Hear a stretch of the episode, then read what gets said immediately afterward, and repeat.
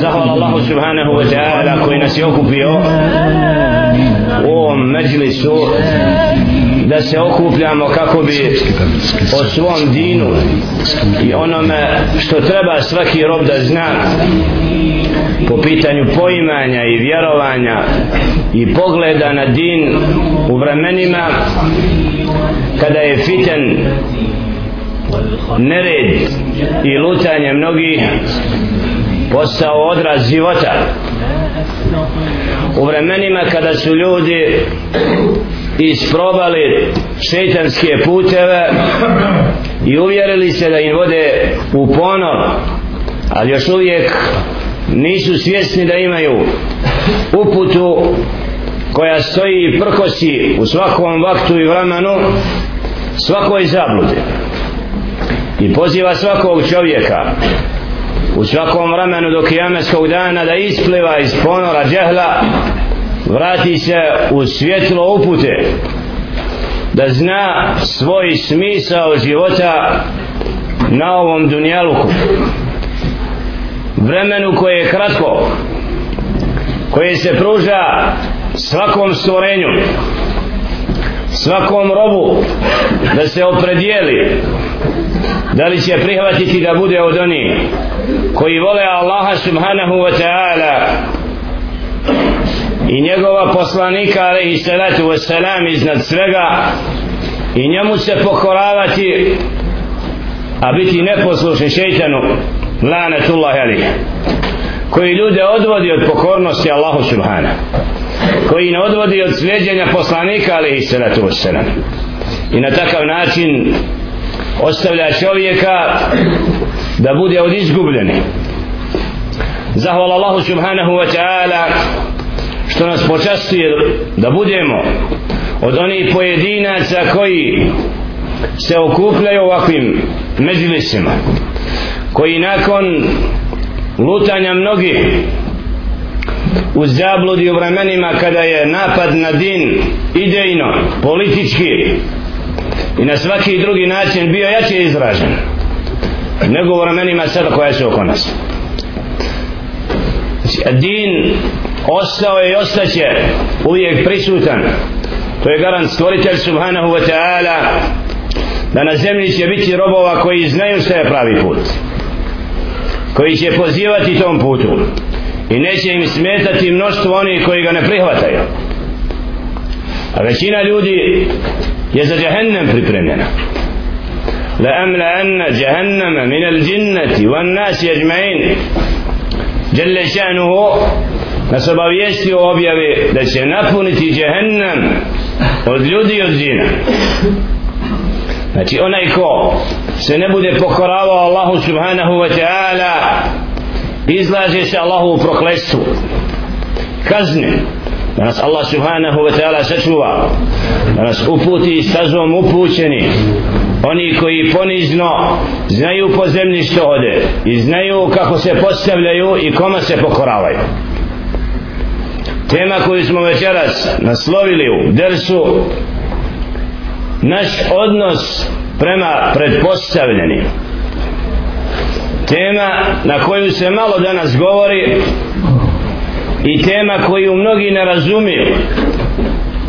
Od onih koji pretjeruju do onih koji je potpuno omalovažavaju i ne govore na nju. Allah subhanahu wa ta'ala nijedno pitanje nije ostavio u knjizi a da se nije dotakao pojasnio robovima kako ne bi lutali i kako spletke i šubhe šeitanske ne bi bila uzrokom da čovjek bude izgubljen jer vjernik upućen od stvoritelja subhanahu wa ta'ala zna da se postavlja u svakom vaktu i vremenu i neće biti od onih koji nema izlaz jer kako kaže Jelle Šanu وَمَنْ يَتَّكِ اللَّهَ يَجْعَلْ لَهُ مَخْرَجًا onaj ko se Allaha subhanahu wa ta'ala boji Allah mu dadne izlaz u najtežijim momentima fitneta i iskušenja onaj ko se vrati Allahu subhanahu wa ta'ala Allah mu srce usmjeri da se ispravno postavi ne poklekne i ne ugodi šeitanu veljadbilja za razliku od onih koji nisu dovoljno predani stvoritelju subhanahu wa ta'ala da upravo u vremenima iskušenja postaju plijen i žrtva oni koji zavode čovjeka odnos prema predpostavljenim u islamu najbolje definiše riječ stvoritelja subhanahu wa ta'ala kad kaže jalla šanuhu fi surati nisa بعد أعوذ بالله من الشيطان الرجيم يا أيها الذين آمنوا أتيعوا الله وأتيعوا الرسول وأولي الأمر منكم فإن تنازعتم في شيء فردوه إلى الله والرسول إن كنتم تؤمنون بالله واليوم الآخر ذلك خير وأحسن تأويلا u značenju Jalla šanu poziva vjernike pa kaže ja ejuha ladina amanu o vi koji vjerujete Allahu subhanahu wa ta'ala se pokoravajte i njegovu poslaniku i vašim predpostavljenim a ako se s njima sporite i dođete u sukob Jelle prema ovoj trećoj skupini onima kojima je navezena pokornost nakon pokornosti Allahu Subhane i poslaniku njegovu predpostavljenje ističe kad dođe do sukoba do razlaza zbog čega? Zato što pretpostavljeni u islamu nisu oni koji su nepogrešivi. I da nema slijepoje predanosti i pokornosti nikome do stvoritelju subhana. I poslaniku koji naređuje pokornost Allahu subhana. Jer su oni sačuvani od lutanja. Poslanici alaihim salatu wasalam i zato su oni jedini ispravan i dosljedan i potpun uzor. Za razliku od svih drugih ljudi. I zato Đelile ženu ističe moment kad se raziđemo sa pretpostavljenim da ne bi ošli u zabludu da ne bi došli u poziciju da ne znamo kako ćemo se orijentisati kad vidimo da pretpostavljeni čini nešto što na određen način vidimo da je neispravno Đelle ženu daje odgovor da se vratimo Allahu subhanahu wa ta'ala i poslaniku njegovu. Jer to je ključ i način da izbjegnemo sukob ako vjerujemo Allaha subhanahu da pretpostavljeni isto tako ako je od nas mora da prihvati Allahovu riječ i riječ njegova poslanika i kad su se tako pretpostavljeni u islamu ponašali i obhodili ovaj ajet prakticirali ispravno i primjenjivali onda je bilo malo iskušenja i malo sukoba i razilaženja. Jer su čvrsto imali izlaz ali kad su predpostavljeni zapostavili vraćanja Allahu subhana i poslaniku njegovu onda je nastao nered. Onda su oni sami sebi postali cilj a to nije din. Din koji Đelle Šenu je dao da bude vodilja čitavom čovječanstvu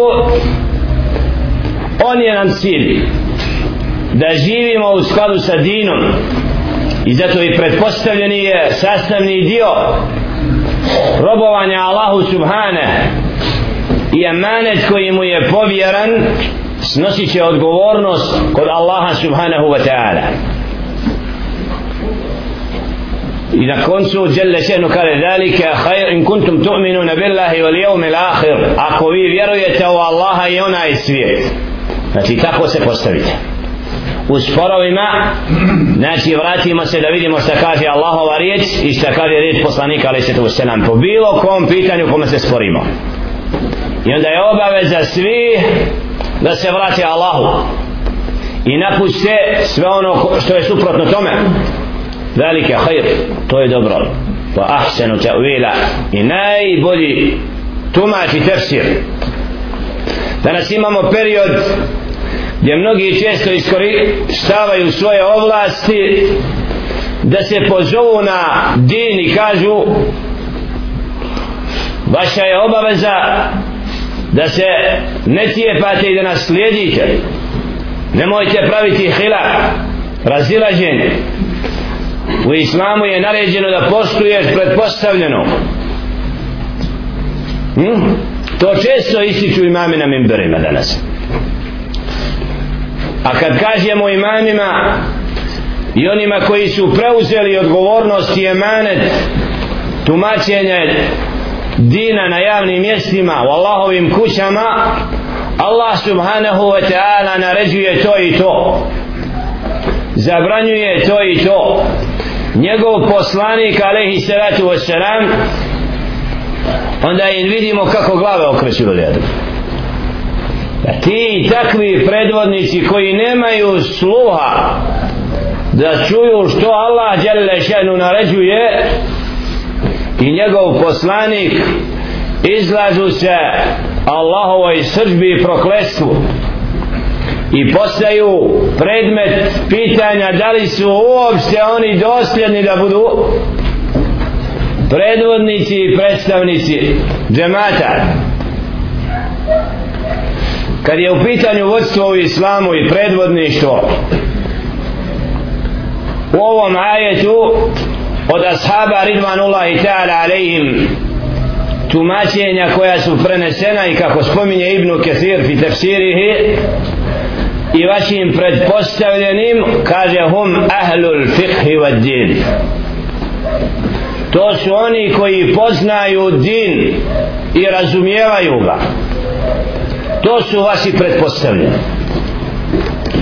s tim što Ibnu Kathir dodaje još da je to glavna poruka u ajetu što ne izuzima mogućnost da oni koji su imenovani da imaju vlast kod muslimana imaju određena zaduženja da i oni podilaze pod to kad su muslimani bili organizovani i kada su imali svoju državu nam neko je imao određene pozicije koje su sa šarijaskog aspekta bila obaveza da budu poštovane. Da onaj ko je namjesnik ovdje ili ondje mora biti prihvaćen i priznat sve dotle dok ne čini dijela koja ga izvode iz vjere. I pravilo u dinu je da ti takvi pretpostavljeni ne smiju biti zanijekani da moramo trpiti njihov al-fuđur nepravdu sve do te mjere dok ne bude kufrum billahi. I oni će za to odgovarati a mi se nećemo pokoravati u dijelima koja su suprotna onome što Allah subhanahu wa ta'ala i poslanik njegov naređuje. Taj period trebamo dobro staviti predase da je to jedan period koji se razlikuje od perioda u kome smo mi danas. A to je da muslimani u mnogim mjestima posebno mi na ovim prostorima nismo u poziciji da kreiramo javni život putem vlasti. Znači mnogo što što što nam din da je zapravo i traži od nas stvoritelj subhanahu wa ta'ala da mi budemo predvodnici zbog mnoštva kufra i zbog mnoštva onih koji su nemarni prema vjeri i džinu mi smo podređeni na određen način. I na određen način nemamo takve predvodnike. Ono što je ostalo jeste u krugovima i zajednici muslimana u kojoj živimo imamo određene djelatnosti i obaveze koje su zajedničkog karaktera koje nas nekad vezuju i u kojima smo se složili kao što je as-salavatul hams okupljanje na pet vakata namaza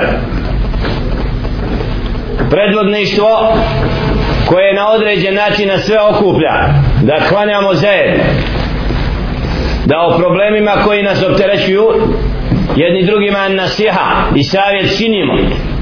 I tragamo da skupina s kojom živimo od muslimana bude u skladu sa riječi stvoritelja Subhana i riječi njegova poslanika ali su i da će svaki pojedinac toj zajednici snositi odgovornost koliko je taj din primjenuo.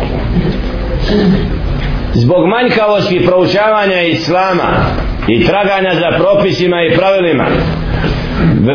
Mnoštvo ljudi na ovim prostorima je pao u poziciju slijepog slijedjenja imama predvodnika u namazu koji su na određen način preuzeli emanet odgovornosti zajednice i džemata koji predvode.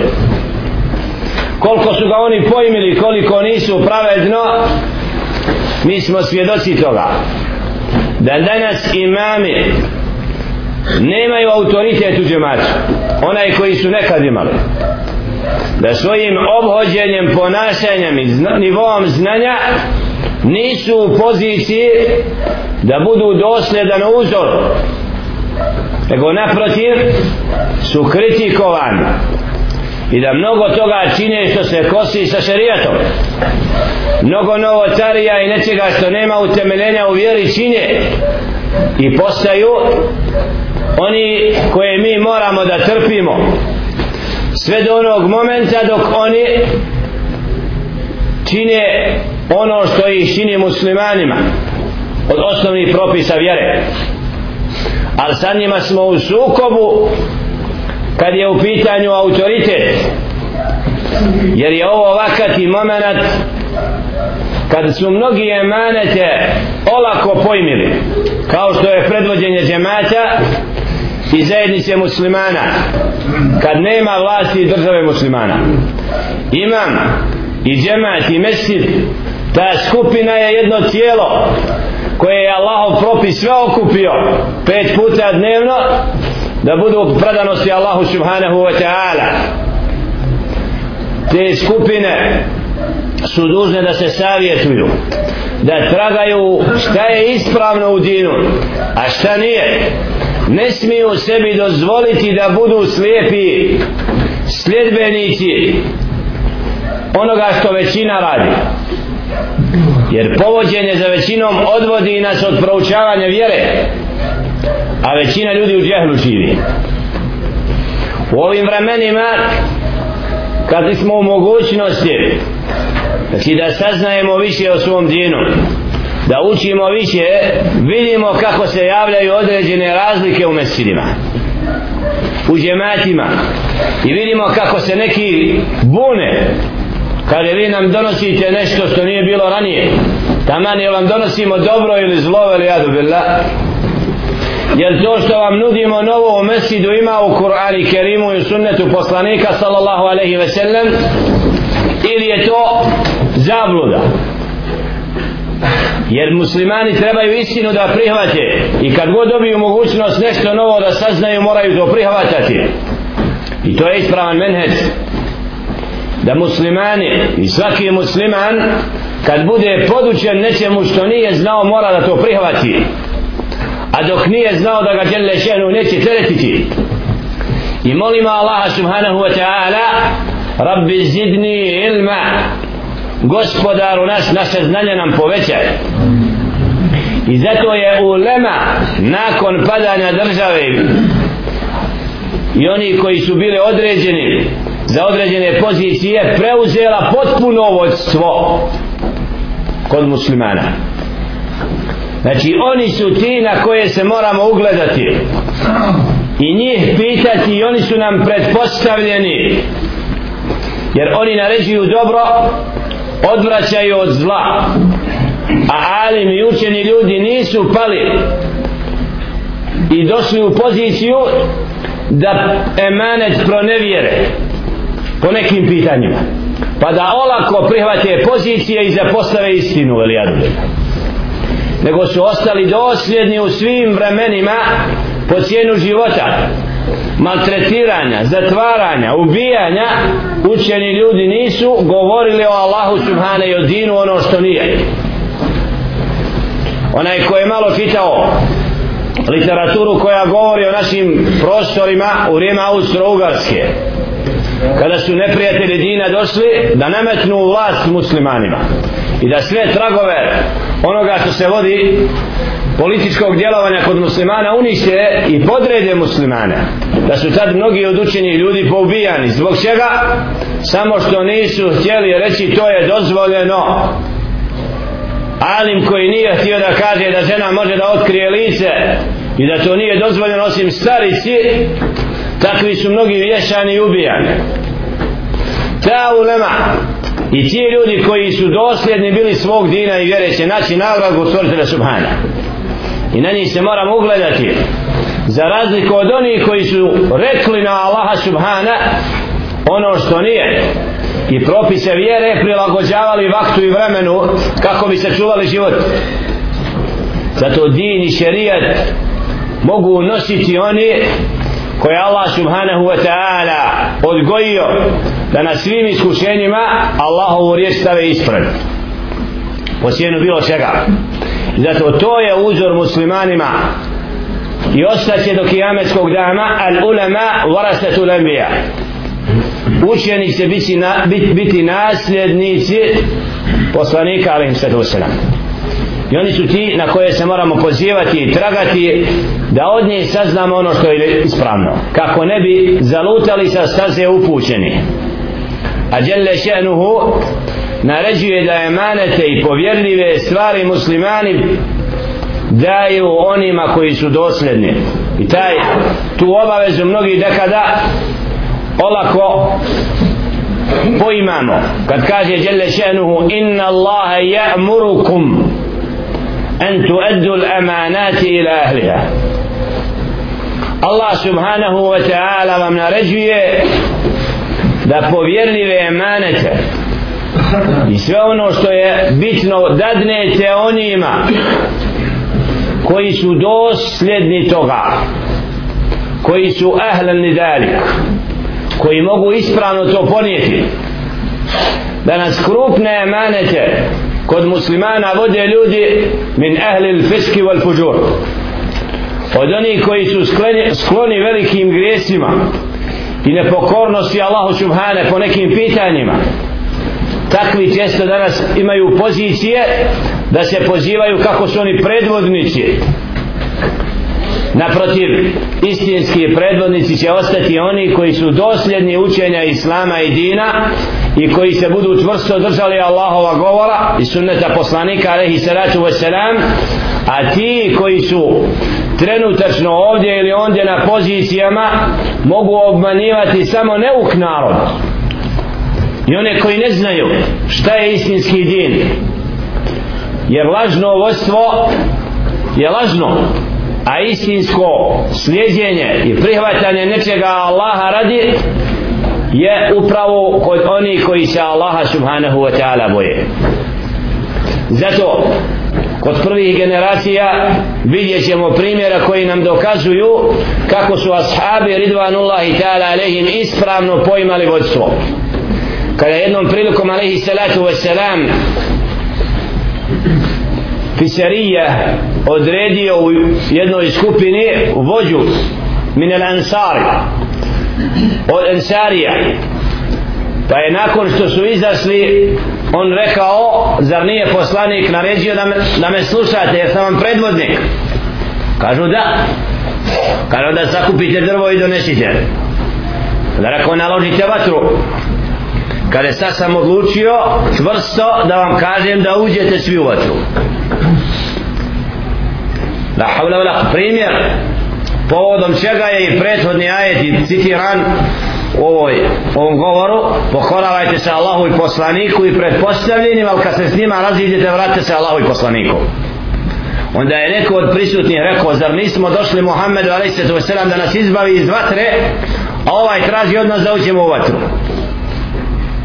kažu da nećemo to uraditi dok se navratimo poslaniku ali se da i pitamo za to tad je rekao alaihi salatu wassalam لو دخلتموها ما خرجتم منها أبدا وكما قال نبينا عليه الصلاة والسلام da ste ušli u vatru nikad iz nje ne bi izašli innama ta'atu bil maruf a ta'at i pokornost je onome što je ispravno E ovo je pravilo kod muslimana.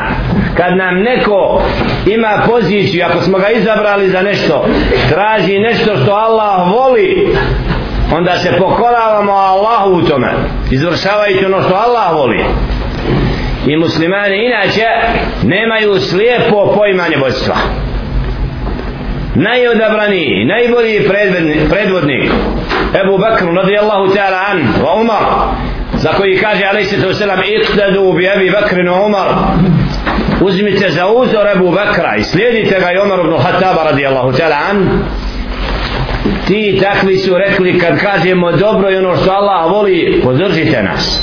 Kad tražimo i skrenemo s tog puta nemojte nas slušati.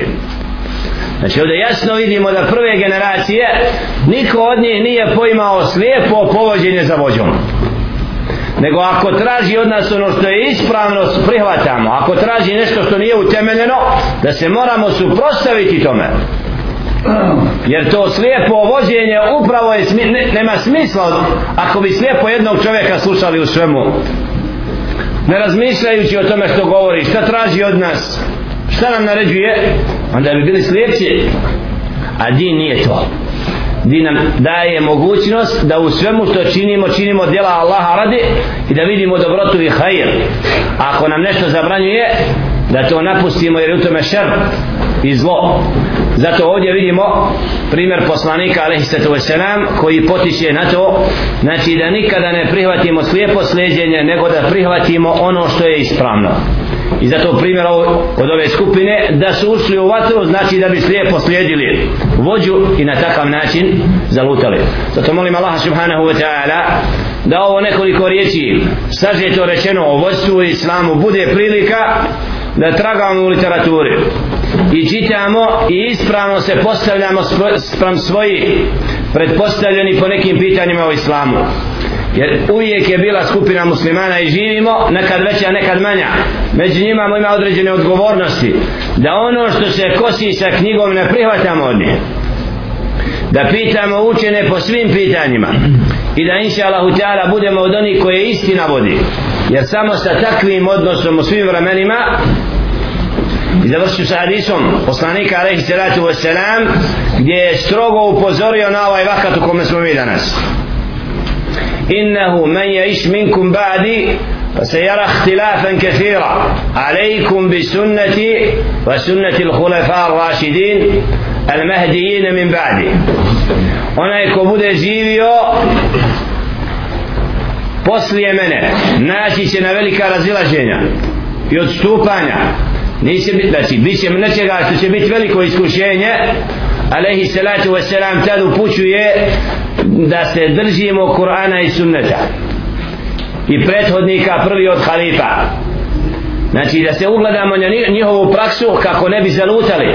Jer svaki drugi put i svaki drugi odnos upravo vodi u zabludu jer kako stoji u hadisima poslanika ali se selam doći će vakat kada će el ma'ruf yakunu munkaran inda nas. Ono što je dobro kod ljudi će biti ružno i smatra će to neispravnim. A ono što je nevaljalo što Allah mrzi ljudi će smatrati ispravnim. U tim vremenima znači kada novočarije i kada mnogo što što, što nije od dina bude prisutno na nama je da se vratimo knjizi Kur'anu i sunnetu poslanika alaihissalatu wasalam kako ne bi bili od oni koji lutaju. Zato molim Allah subhanahu wa ta'ala da ova buđenja i davetski rad u kahnju i svuda širom svijeta bude od plemenitosti da nas vrati ispravnom slijedjenju Allahove riječi i riječi poslanika alaihissalatu wasalam dok ne dođe do konačnog ujedinjavanja muslimana i vraćanja u poziciju da oni upravljaju nevjernicima i da oni stave pravila po kojima se moraju svi ponašati a nikako da muslimani njima bude nametnutno da budu podređeni u mnogim mjestima i žive po zatvorima i ne znam kako sve od strane kufra.